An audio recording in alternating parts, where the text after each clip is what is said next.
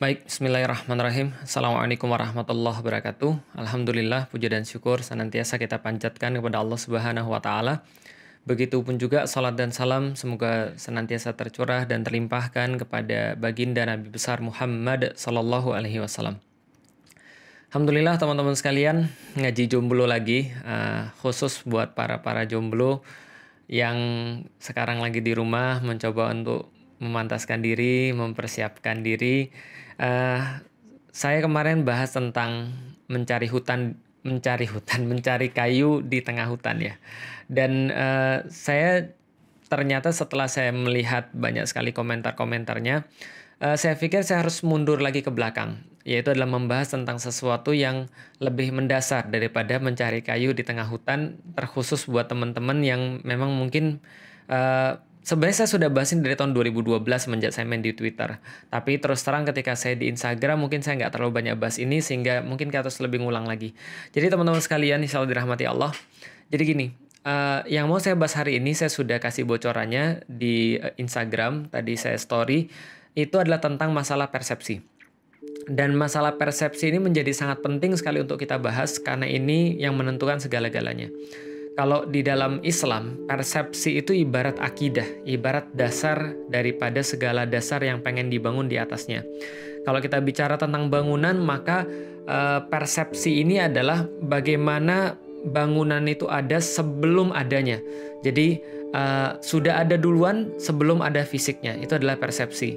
Atau kalau kita bisa bayangkan lagi, persepsi itu kayak begini, uh, kayak seseorang yang pakai kacamata warnanya apa, nah itu persepsinya. Contoh misalnya, ketika ada orang yang pakai kacamata berwarna uh, hitam misalnya, mendadak semua di depannya menjadi lebih gelap. Kalau dia pakai uh, pakai kacamata warna merah, mendadak semuanya berwarna merah. Lalu kemudian dia nanya, kenapa ya semua depan saya itu warna merah? Dan dia uh, mati-matian, ini warnanya merah, ini warnanya merah, padahal putih misalnya. Tapi orang-orang yang bisa punya persepsi yang lain, mungkin dia bisa berkata dengan sesuatu yang lain. Atau melihat koin yang sama dengan dua mata koin. Ini juga namanya persepsi. Maka persepsi itu bisa dengan serta-merta mengubah segala yang ada pada diri kita. Mengubah cara kita memandang, mengubah cara kita memahami, mengubah uh, perasaan kita, ataupun mengubah apa pun juga pada kita. Ini fungsi daripada persepsi. Contoh misalnya, ketika seseorang, uh, ketika saya punya anak, lalu kemudian ini contoh ya, contoh kan katanya harus ekstrim. Contoh, ketika anak saya, saya bawa di mobil, saya ada empat anak, di mobil saya sama istri saya sama empat anak saya kita pulang kampung. Lalu kemudian tiba-tiba ada bau. E, kalau ada bau berarti pasti ada yang ngeluarin bau, ada yang kentut. Lalu kemudian saya tanya siapa yang kentut? Nggak ada yang jawab, nggak ada yang mau ngaku. Kenapa? Ya taulah, mereka malu, mereka merasa mungkin saya marah. Itu juga mungkin salahnya saya. Mungkin saya nanya dengan nada yang nggak nggak terlalu bagus. Lalu kemudian saya tanya lagi siapa yang uh, siapa yang kentut? Nggak ada yang mau jawab. Lalu kemudian saya coba untuk memahami dan saya coba ganti persepsi. Saya bilang, uh, anak-anak Abi nggak marah kalau seandainya ada orang kentut. Kenapa? Abi juga kentut. Uh, semua manusia kentut. Kentut itu adalah manusiawi, kentut adalah biasa. Abi nggak marah kalau ada yang kentut, yang Abi marah kalau ada yang bohong. Karena ketika Abi tanya siapa yang kentut, nggak ada yang mau jawab, dan semua bilang bukan saya, bukan saya, berarti pasti ada yang bohong.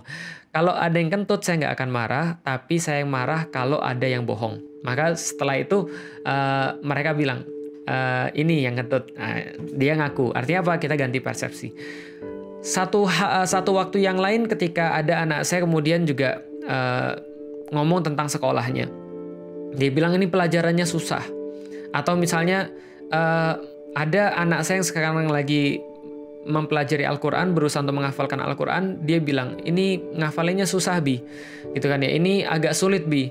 Lalu saya bilang pada pada pada anak saya, di dalam Al-Quran sendiri Allah bilang loh bahwa bahwa Allah itu benar-benar menghargai usaha orang, bukan bukan hasilnya. Saya ceritain misalnya uh, di dalam surat Al-Fajr, la tuharrik bihi lisana kalita jalabih, uh, jangan gerakkan cepat-cepat lidahmu untuk menguasainya. Bagaimana Allah kemudian memberikan saran kepada Nabi uh, Nabi Muhammad. Uh, ketika itu kemudian kita sampaikan bahwa Allah Allah bilang justru pada Nabi Muhammad jangan cepat-cepat menggerakkan lidahmu untuk cepat menguasai Al-Quran, Allah yang kemudian mengumpulkan dan membuat mahir membacanya, artinya saya sampaikan, uh, C tugasmu tuh cuma belajar, tugasmu cuma berusaha sebisa mungkin untuk menghafalkan Al-Qur'an. Adapun ketika Al-Quran pun dikumpulkan di dadamu, itu adalah Allah yang membuatnya, bukan kamu yang membuatnya. Artinya, ketika Allah menyampaikan seperti itu, ini adalah sebuah persepsi kepada setiap pembelajar bahwa ilmu itu bukan didapatkan tapi diberikan. Ini persepsi. Maka, oh ya mungkin kita agak lebih tenang. Pada orang yang belajar juga sama, bukan nilai yang kita cari, tapi yang kita cari adalah pemahaman. Yang kita cari adalah ilmu yang nanti kelak bisa bermanfaat. Lalu saya sampaikan, untuk apa dapat nilai 100 kalau sana dia dapat dari nyontek? Mendingan kemudian dia dapat nilai 80 tapi dia nggak nyontek tapi kalau dapat 30 nggak nyontek terus gimana? Iya, artinya dia kurang belajar. Kan yang penting prosesnya. Kalau proses itu sudah maksimal, nanti dia dapat berapapun, maka itulah hasilnya dan kita bisa dapat kebaikan dari situ. Artinya ini persepsi. Ketika kita mengganti persepsi, kita mengganti segala-galanya. Ada orang yang stres dengan hartanya. Kemudian saya sampaikan pada dia, kenapa kamu mau stres dengan harta? Emang kita pernah memiliki sesuatu? Enggak, enggak kita enggak pernah memiliki sesuatu. Maka ketika kita enggak pernah memiliki sesuatu, adanya kita di dunia seperti tukang parkir. Yang tukang parkir itu ketika ada mobil datang, lalu kemudian dia markirin, ketika mobil itu pergi, dia enggak nangis. Kenapa? Karena itu bukan mobil dia, in the first place. Sama kayak kita, kita enggak pernah memiliki apa pun, maka kalau kita kehilangan apa pun, katakan innalillahi wa inna ilaihi roji'un mind blowing ketika orang sudah punya persepsi yang berbeda dia akan punya cara pandang dia akan punya cara bersikap dia akan punya cara berperasaan yang berbeda seperti yang lain.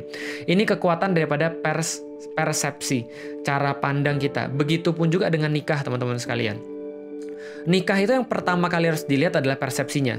Karena persepsi ini yang nanti akan menentukan bagaimana cara dia cari pasangan, pasangan seperti apa yang dia inginkan, lalu kemudian pernikahan seperti apa yang kelak nanti akan dia ambil, bagaimana kemudian dia menjalani proses-proses sebelum nikah, termasuk menentukan karakteristiknya seperti apa, termasuk mengalami ketika mengalami permasalahan-permasalahan di dalam pernik uh, di dalam sebelum nikah dan setelah nikah, termasuk soalan duit segala macam, hampir yang semua teman-teman tanyakan ketika lagi live ini semuanya akan terjawab hampir semua akan terjawab ketika persepsinya sudah benar. Nah, jadi ini persepsi. Contoh misalnya, contoh lagi ya, uh, kita itu kan tergantung daripada tujuan atau persepsi tadi. Ada orang ditanya, kamu mau nggak ikut saya pergi? Ke mana? Jalan-jalan. Uh, ke mana jalan-jalannya? Ya pokoknya jalan-jalan lah. Pokoknya yang jauh yang bagus. Oke ya, ikut nggak? Ikut, ikut, ikut. Siap-siap ya. Oke saya siap-siap. Uh, ya udah siap-siap aja. Siap-siap setelah dia siap-siap, dia bawa tiba-tiba uh, satu koper besar, satu koper medium, dan satu koper kecil. Dia bawa tiga koper. Lantas kemudian dia kemudian setelah bawa tiga koper itu dia pergi lalu kemudian pakai baju dingin yang sangat berat sekali dan kemudian uh, pakai topi dingin dan segala macamnya. Terus orang yang ngajak bingung. Loh kok kamu pakaian kayak gini? Lah emang kenapa? Ini kan kita mau pergi jalan-jalan. Enggak kok, kita mau pergi ke pantai. Nah, berarti yang salah siapa? Ya bisa jadi yang salah yang ngas yang ngajak, bisa jadi yang salah yang diajak. Kenapa? Nggak nanya. Ini seperti apa mau perginya? Perginya mau ke mana? Mau berapa lama? Karena persiapan segala macam tergantung kita mau pergi berapa lama dan mau ke mana. Tapi kalau kita nggak pernah nanya, itu kesalahan yang paling besar. Maka persepsi ini harus di, uh, dibentuk dulu, harus kemudian disepakati dulu supaya nanti pernikahan ini bisa bagus. Sebagian besar di antara manusia menganggap pernikahan itu adalah sesuatu yang kayak mereka dapat di film-film. Dan ini yang bagi saya berbahaya banget. Nonton Twilight, lantas kemudian ngelihat, wah itu pernikahan itu modelnya tuh kayak gitu yang aku inginkan. Gimana? Ceweknya seksi, ceweknya cantik, pakai gaun, kemudian nikahnya uh, kayak model begitu sama seorang uh, cowok yang ganteng, yang kemudian matanya ada warna-warninya, putih gitu kan kayak mayit, lalu kemudian uh, mulus, lalu kemudian diselingi lagu Thousand Years gitu kan ya. Aduh, itu itu persepsi. Ada lagi persepsinya nikah tuh seperti film-film uh, sinetron. Itu persepsinya nikah itu adalah bisa begini dan bisa begitu. Ada yang nganterin, ada yang ngasih makan, ada yang kemudian ada yang bisa diajak bermesra-mesraan. Ini persepsi yang nanti akan membawa dia mencari itu dengan cara mencari bayangannya itu dengan cara seperti apa agar bisa merealisasikan itu dengan cara seperti apa. Nah itu tergantung persepsi yang dia punya. Ada lagi persepsi yang lain Lalu bagaimana persepsi seharusnya? Ya, orang bisa punya banyak persepsi dan yang jelas persepsi ini nanti ya punya konsekuensi dong. Saya cuma mau cerita tentang bagaimana persepsi saya berubah. Saya ketika dulu belum masuk Islam, ya jelas persepsi saya yang tadi saya ceritain. Bagi saya pernikahan itu adalah seperti komik-komik Jepang. Seperti kemudian yang saya bayangin ketika di film-film. Maka yang maka yang saya cari apa? Romantisme. Yang saya cari apa? Uh, hubungan antara laki-laki dan wanita, kangen-kangenan, telepon-teleponan, sayang-sayangan, lalu kemudian diperhatiin, senang merasa diperhatiin, senang bila merhatiin orang. Apa goalsnya? Pegangan tangan, lalu kemudian uh, meluk dan segala macamnya. Itu dulu ketika kita belum ngerti bagaimana uh, ada persepsi yang lain. Maka ketika saya punya persepsi seperti itu nggak heran ketika saya sudah punya pacar, lalu kemudian ditanya sama teman, pertanyaannya sudah pernah pegangan tangan belum? gitu kan ya. Lalu kemudian setelah setelah tanya seperti itu dia tanya, udah diajak nonton belum? Lalu, film apa yang bagus ya diajak nonton dan sebagainya, sebagainya. Sudah datang ke rumahnya belum? Sudah ngomong apa belum? Ini adalah tergantung dengan persepsi karena yang kita bayangkan pernikahan itu cuma all romantic. Kita nggak tahu bahwa pernikahan itu ada satu tujuan yang lain. Nikah lalu kemudian ada yang di, ada yang diajak ngobrol terus, ada yang perhatian atau kalau yang sudah lebih lebih mesum orangnya pikiran hal-hal yang lain lagi, hal-hal biologis yang dia dapat setelah nikah. Setelah itu kemudian dia mikirin setelah itu punya anak, setelah punya anak dia jadi seorang bapak lalu kerja kerja untuk mencukupi anaknya, setelah itu sampai mati. Selesai kayak di film-film live happily ever after gitu kan ya. Jadi itu seolah-olah nikah tuh begitu. Itu persepsi saya. Maka ketika saya berpersepsi seperti itu, wajar kalau saya nyarinya lewat jalan pacaran. Wajar kalau saya setelah pacaran pengen pegang tangan pacar saya wajar ketika itu saya pengen ngajak dia nonton. Karena begitulah seharusnya orang yang berpacaran. Wajar ketika itu saya pengen datang ke rumah dia ketika bapaknya lagi nggak ada. Atau nelpon ketika bapaknya angkat saya tutup. Gitu kan ya. Itu zaman dulu ketika belum ada handphone belum ada sosial media. Tapi kebayang ya ya tinggal diganti aja sekarang wasilahnya apa. Sekarang misalnya wasilahnya DM DM misalnya. Atau wasilahnya ngajak live bareng misalnya. Atau wasilahnya apa komen-komenan dan segala macamnya. Ya itu ya itu tinggal masalah wasilah aja. Tapi dari persen persepsi itulah ditelurkan bagaimana cara orang bersikap. Maka saya nggak merasa keberatan ketika pacar saya berbeda agama. Waktu itu agama saya masih agama Kristen Katolik, sementara pacar saya agamanya Islam misalnya. Maka saya nggak ada keberatan. Kenapa? Karena itu sama sekali nggak masuk dalam persepsi masa depan saya. Itu sama sekali nggak masuk dalam dalam tujuan saya. Dan saya sama sekali nggak berpikir tentang itu. Lantas kemudian ketika kita bicara tentang pernikahan, kita bilang, udah nanti aja lah kita bicara tentang pernikahan. Yang penting kamu kuliah dulu, aku kuliah di Bogor, kamu kuliah di Jakarta. Nanti kalau kita sudah selesai, kita baru akan uh, bicarain dan ngobrol tentang masalah pernikahan. Mereka nggak akan serius untuk ngomong masalah pernikahan. Dan mereka nggak akan serius untuk merencanakan apa yang akan mereka lakukan pasca nikah ini. Bahkan mereka nggak pernah serius untuk membicarakan tentang kehidupan mereka sendiri. Jadi bagaimana mau membicarakan kehidupan berdua? Orang kehidupan sendiri aja belum jelas, gitu kan? ya tapi ya itulah kebodohan-kebodohan masa lalu. Uh, sekarang sudah pintar, enggak? Sekarang masih eh, makin bodoh, masih bodoh malah makin bodoh. Kenapa? Karena semakin kemudian kita ngelihat ilmu itu luas banget dan kemudian kita lihat ulama itu banyak banget, kita semakin tahu bahwa kita ini adalah orang yang nggak berilmu. Tapi itu pembahasan yang lain. Nah, tapi ketika saya masuk Islam, persepsi itu menjadi berubah. Ketika saya masuk Islam, maka Islam mengajarkan kepada saya satu persepsi dasar. Apa persepsi dasarnya? Ternyata ada kehidupan setelah kehidupan yang sekarang. Bahwa ketika saya menggunakan akal saya, lalu saya berpikir, teman-teman bisa bisa tonton di uh, hashtag mengapa Islam di YouTube. Ketika saya kemudian berpikir dan saya menggunakan uh, akal saya secara penuh, saya menemukan bahwa manusia ini tidak hanya sendiri di dunia. Tapi manusia ini punya punya satu kemudian asal lalu kemudian akan berakhir. Dan ketika dia berakhir kembali kepada asalnya, kepada penciptanya, maka dia membawa seluruh apa yang dia lakukan di dunia ini untuk dipertanggungjawabkan untuk kehidupan yang berikutnya.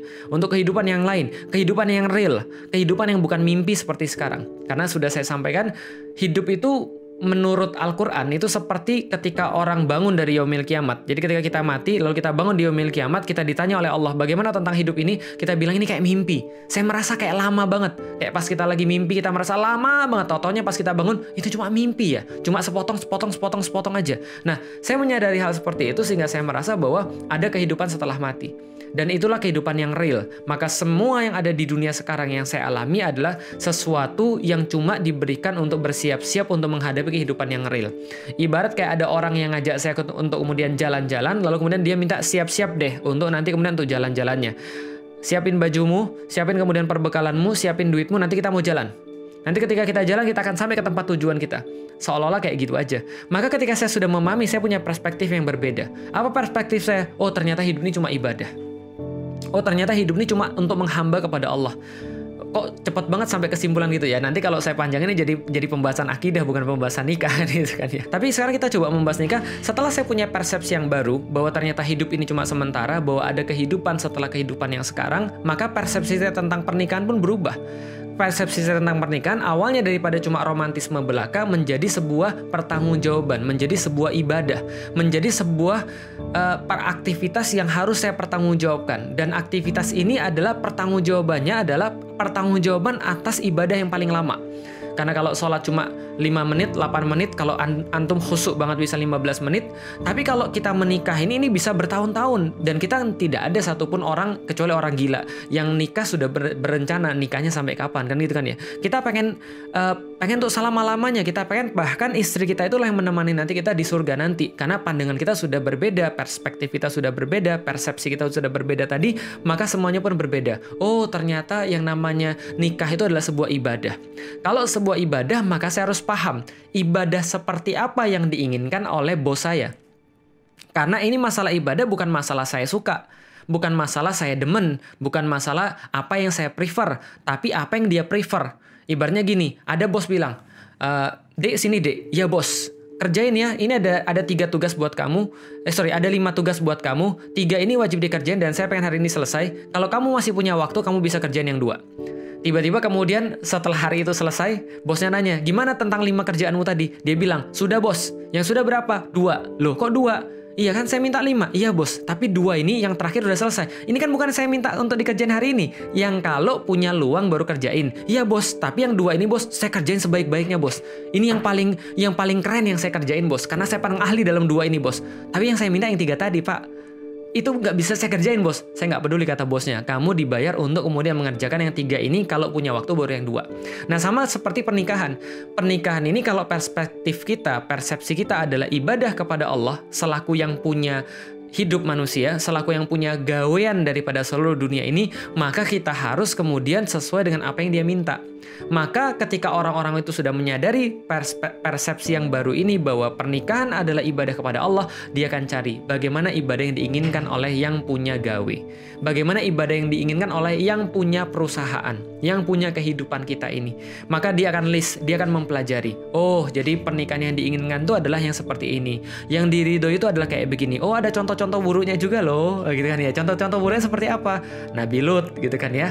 Allah katakan semua akan diselamatkan illa imro'atahu, gitu kan ya, kecuali istrinya, gitu kan ya. Dan seterusnya dan seterusnya. Berapa kali Allah bilang kayak gitu? Oh, ini contoh yang salah. Berarti rela relasi pernikahan tuh nggak boleh kayak begini. Oh, relasi relasi pernikahan yang baik itu kayak begini. Oh, misalnya ada Khadijah, oh ada Sofia, oh ada Aisyah dan seterusnya. Dia melihat bagaimana kemudian ridho Allah. Dia list semuanya itu dia pelajari. Maka dapatlah dia rukun-rukun nikah. Dapatlah dia syarat-syarat nikah. Dapatlah dia dia kondisi nikah yang ideal. Kenapa? Karena dia menganggap bahwa nikah itu kayak ibadah. Maka kondisi nikah itu sama seperti ketika dia lagi sholat sebelum dia sholat, dia tidak dia tidak terburu-buru untuk sholat tapi tidak juga melalaikan sholatnya itu. Dengan mempelajari sholatnya itu, setelah dia punya ilmu untuk sholat itu, maka dia masuk kepada sholat itu bukan dengan nafsu, bukan terburu-buru, bukan bukan uh, bukan apa ya, bukan dengan uh, ya terburu nafsu gitu kan ya, apa namanya? Bahasa bahasa bahasanya itu adalah ya kesusu kalau bahasa Jawanya ya, ya nggak nggak datang dengan cara seperti itu tapi dia datang dengan cara yang tenang karena dia sudah tahu. Karena ingat, ketidaktahuan itu mengakibatkan ketakutan, sedangkan pengetahuan itu mengakibatkan ketenangan. Jadi kalau Anda belum cukup tenang, berarti Anda belum cukup tahu. Nah, artinya adalah ketika dia sudah cari tahu semua itu, maka dia akan cari tahu. Kalau yang saya inginkan adalah yang seperti ini, dia sudah list semuanya, maka gimana cara saya nyari? Oh, berarti bukan lewat pacaran. Kenapa? Pacaran tidak akan pernah mendapatkan saya raw material seperti yang saya inginkan. Waduh, emang kita kayak mau masak aja? Enggak. Pacaran tidak akan pernah mendapatkan kepada saya material yang saya inginkan, spek yang saya inginkan. Gampang ya?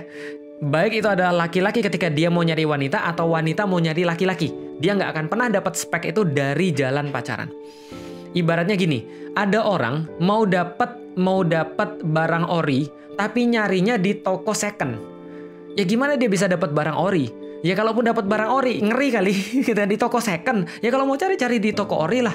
Gitu maksudnya. Artinya ini maksudnya kalau Anda mau cari raw material, spek yang benar dengan apa yang diinginkan, Anda akan dapat pada satu kesimpulan. Kalau saya mau taat pada Allah, bukan di sini yang saya cari. Bukan pacar yang saya cari. Oke, apalagi misalnya contoh, maka tidak ada lagi ada pertanyaan pada orang-orang sudah mengganti persepsinya bahwa nikah itu adalah sebuah ibadah, nggak ada lagi pertanyaan bagi dia. Ustadz, gimana kalau seandainya saya nikah terus saya nggak punya duit? Nggak ada lagi. Kenapa? Karena dia tahu bahwa duit itu duit memang penting, tapi bukan itu hal pertama yang harus dipikirkan. Karena kenapa? Persepsi orang tentang pernikahan itu harus mewah, harus puluhan miliar, harus puluhan juta, ratusan juta. Itu yang saya pengen untuk kemudian orang rubah ketika dia sudah punya persepsi bahwa nikah itu karena Allah. Maka setiap orang-orang, sifrun nikah, Lalu kemudian Hawariun nikah. Saya bilang sama mereka, lebih baik antum pegang duit setelah nikah daripada habis semuanya pas nikah. Kenapa? Karena antum lebih perlu duit setelah nikah, bukan pas nikah. Makanya Allah sampaikan di dalam Al-Quran, Ar-rijalu qawmuna ala nisa. Sesungguhnya seorang laki-laki adalah supporter, adalah pengayom bagi wanitanya. Kenapa? Allah katakan ada kemudian bima fadallahu ba'duhum ala ba'din karena kami telah melebihkan satu uh, satu di antara mereka dengan sebagian yang lain. Wa bima amfaku uh, apa uh, wabima amfaku min amwalihim. Jadi atas juga apa yang telah mereka berikan daripada harta-harta mereka kepada mereka. Jadi seorang laki-laki itu menjadi laki-laki ketika dia memberikan hartanya pada wanita, mencukupi wanita tadi. Artinya adalah apa? Setelah pernikahan itu justru lebih perlu harta daripada sebelum pernikahan. Ini kan masalah persepsi. Maka nggak perlu lagi ada pertanyaan, gitu kan ya? Uh, Ustaz, saya mau menikah, tapi dia belum, uh, mohon maaf Ustaz, dia belum, dia belum tahu banyak tentang Islam, bahkan dia nggak sholat, bahkan dia nggak kerudungan Ya tergantung persepsi antum apa. Kalau persepsi antum nikah adalah sebuah ibadah, maka kalau antum lihat dia nggak kerudungan dan itu bisa buat antum untuk nyaman beribadah, ya silahkan. Tapi saya pikir kalau seandainya antum sudah berpikir seperti itu, lantas kalau saya secara pribadi, gimana saya bisa nyaman beribadah kalau saya tidak menemukan istri yang bisa taat pada Allah? Beda dalam menyikapi kita mendakwai orang. Saya sangat saya sangat welcome banget. Saya seneng banget ketika ada orang yang nggak kerudungan datang ke kajian saya. Artinya adalah apa? Saya senang ketika ada orang mau jadi baik. Tapi kalau Anda mau pilih seorang istri untuk kemudian jadi kemudian bagian hidup Anda dan Anda sudah mengatakan bahwa persepsi Anda adalah ibadah, itu sama aja kayak ada orang nanya ketika sholat, saat saya mau sholat saat, tapi boleh nggak saya pakai celana pendek? Paham gak sih kira-kira maksud saya? Maka pergantian persepsi ini menjadi sangat penting ketika antum mau menikah gitu loh maksudnya. Nah, ketika persepsi itu sudah berganti, antum akan tidak akan kemudian uh, suka sama pacaran. Antum tidak akan nyari jodoh antum di jalan pacaran. Antum tidak akan bermaksiat. Tapi apa yang antum sibukkan? Antum akan disibukkan dengan hal-hal yang lain yang memang sudah antum pahami ketika antum menyusun daftar dari persepsi antum. Balik lagi kepada contoh orang berlibur. Oke, kita, saya bilang, Mas, kita tiga hari keluar ya. Ke mana saat? Ke Turki. Di Turki lagi musim apa saat Desember itu ya musim dingin, berarti antum harus bawa baju dingin. Berapa hari saat? Tiga hari. Kira-kira saat kalau antum biasa tiga hari bawa berapa baju? Ya saya cuma kalau tiga hari saya bawa dua setel cukup kok. Atau kalau tujuh hari, tujuh hari berapa saat? Ya saya bawa tiga empat setel cukup kok sebenarnya kalau untuk untuk uh, untuk tujuh hari. Karena kita nggak akan banyak ganti di musim dingin misalnya, maka dia akan beli uh, baju dingin. Ustadz baju dinginnya spesifikasinya kayak apa?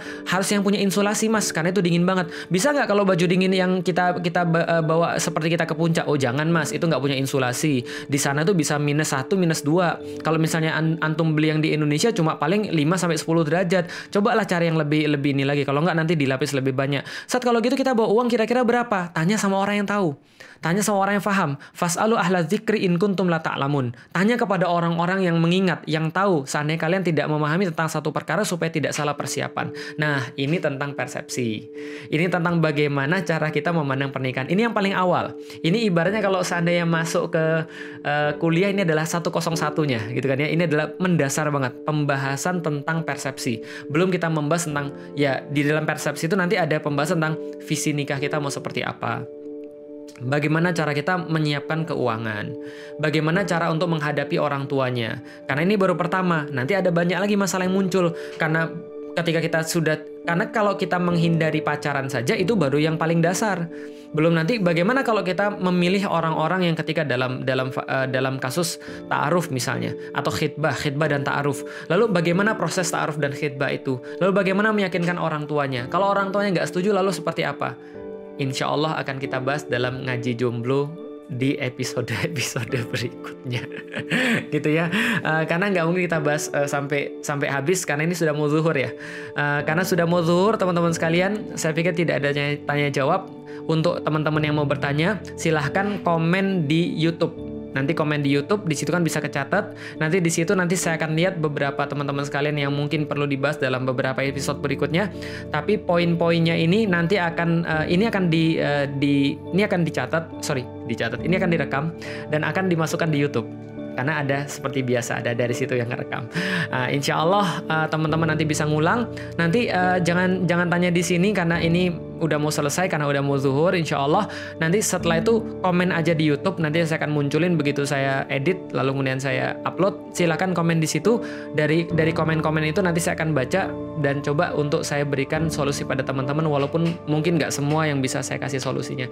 Demikian teman-teman sekalian ngaji jomblo pada so, uh, siang ini menjelang zuhur insya Allah setelah ini kita akan uh, bertemu dengan ngaji-ngaji jomblo yang lain. Sebagai informasi teman-teman sekalian, hari ini tanggal 18 April 2020, malam ini akan ada ciwi-ciwi yang ngumpul di Yuk Ngaji, di at Yuk Ngaji, di YouTube at Yuk Ngaji, jam 8 malam. Khusus ciwi-ciwi saja, yang cowok-cowok minggat aja.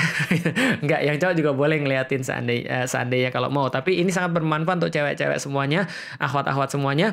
Dan mudah-mudahan teman-teman sekalian dalam kajian nanti di di malam hari ini uh, bersama dengan cewek-cewek di Yuk Ngaji, teman-teman bisa mendapatkan insight yang lain khususnya bagi muslimah. Itu aja teman-teman sekalian, sampai jumpa lagi. Kalau ada yang salah saya mohon maaf. Kalau ada yang bertambah besar jangan salahkan saya. Inilah hasil daripada Ummu Alila masak terus. Jadi bulat lagi gitu kan ya. Makasih. Assalamualaikum warahmatullahi wabarakatuh.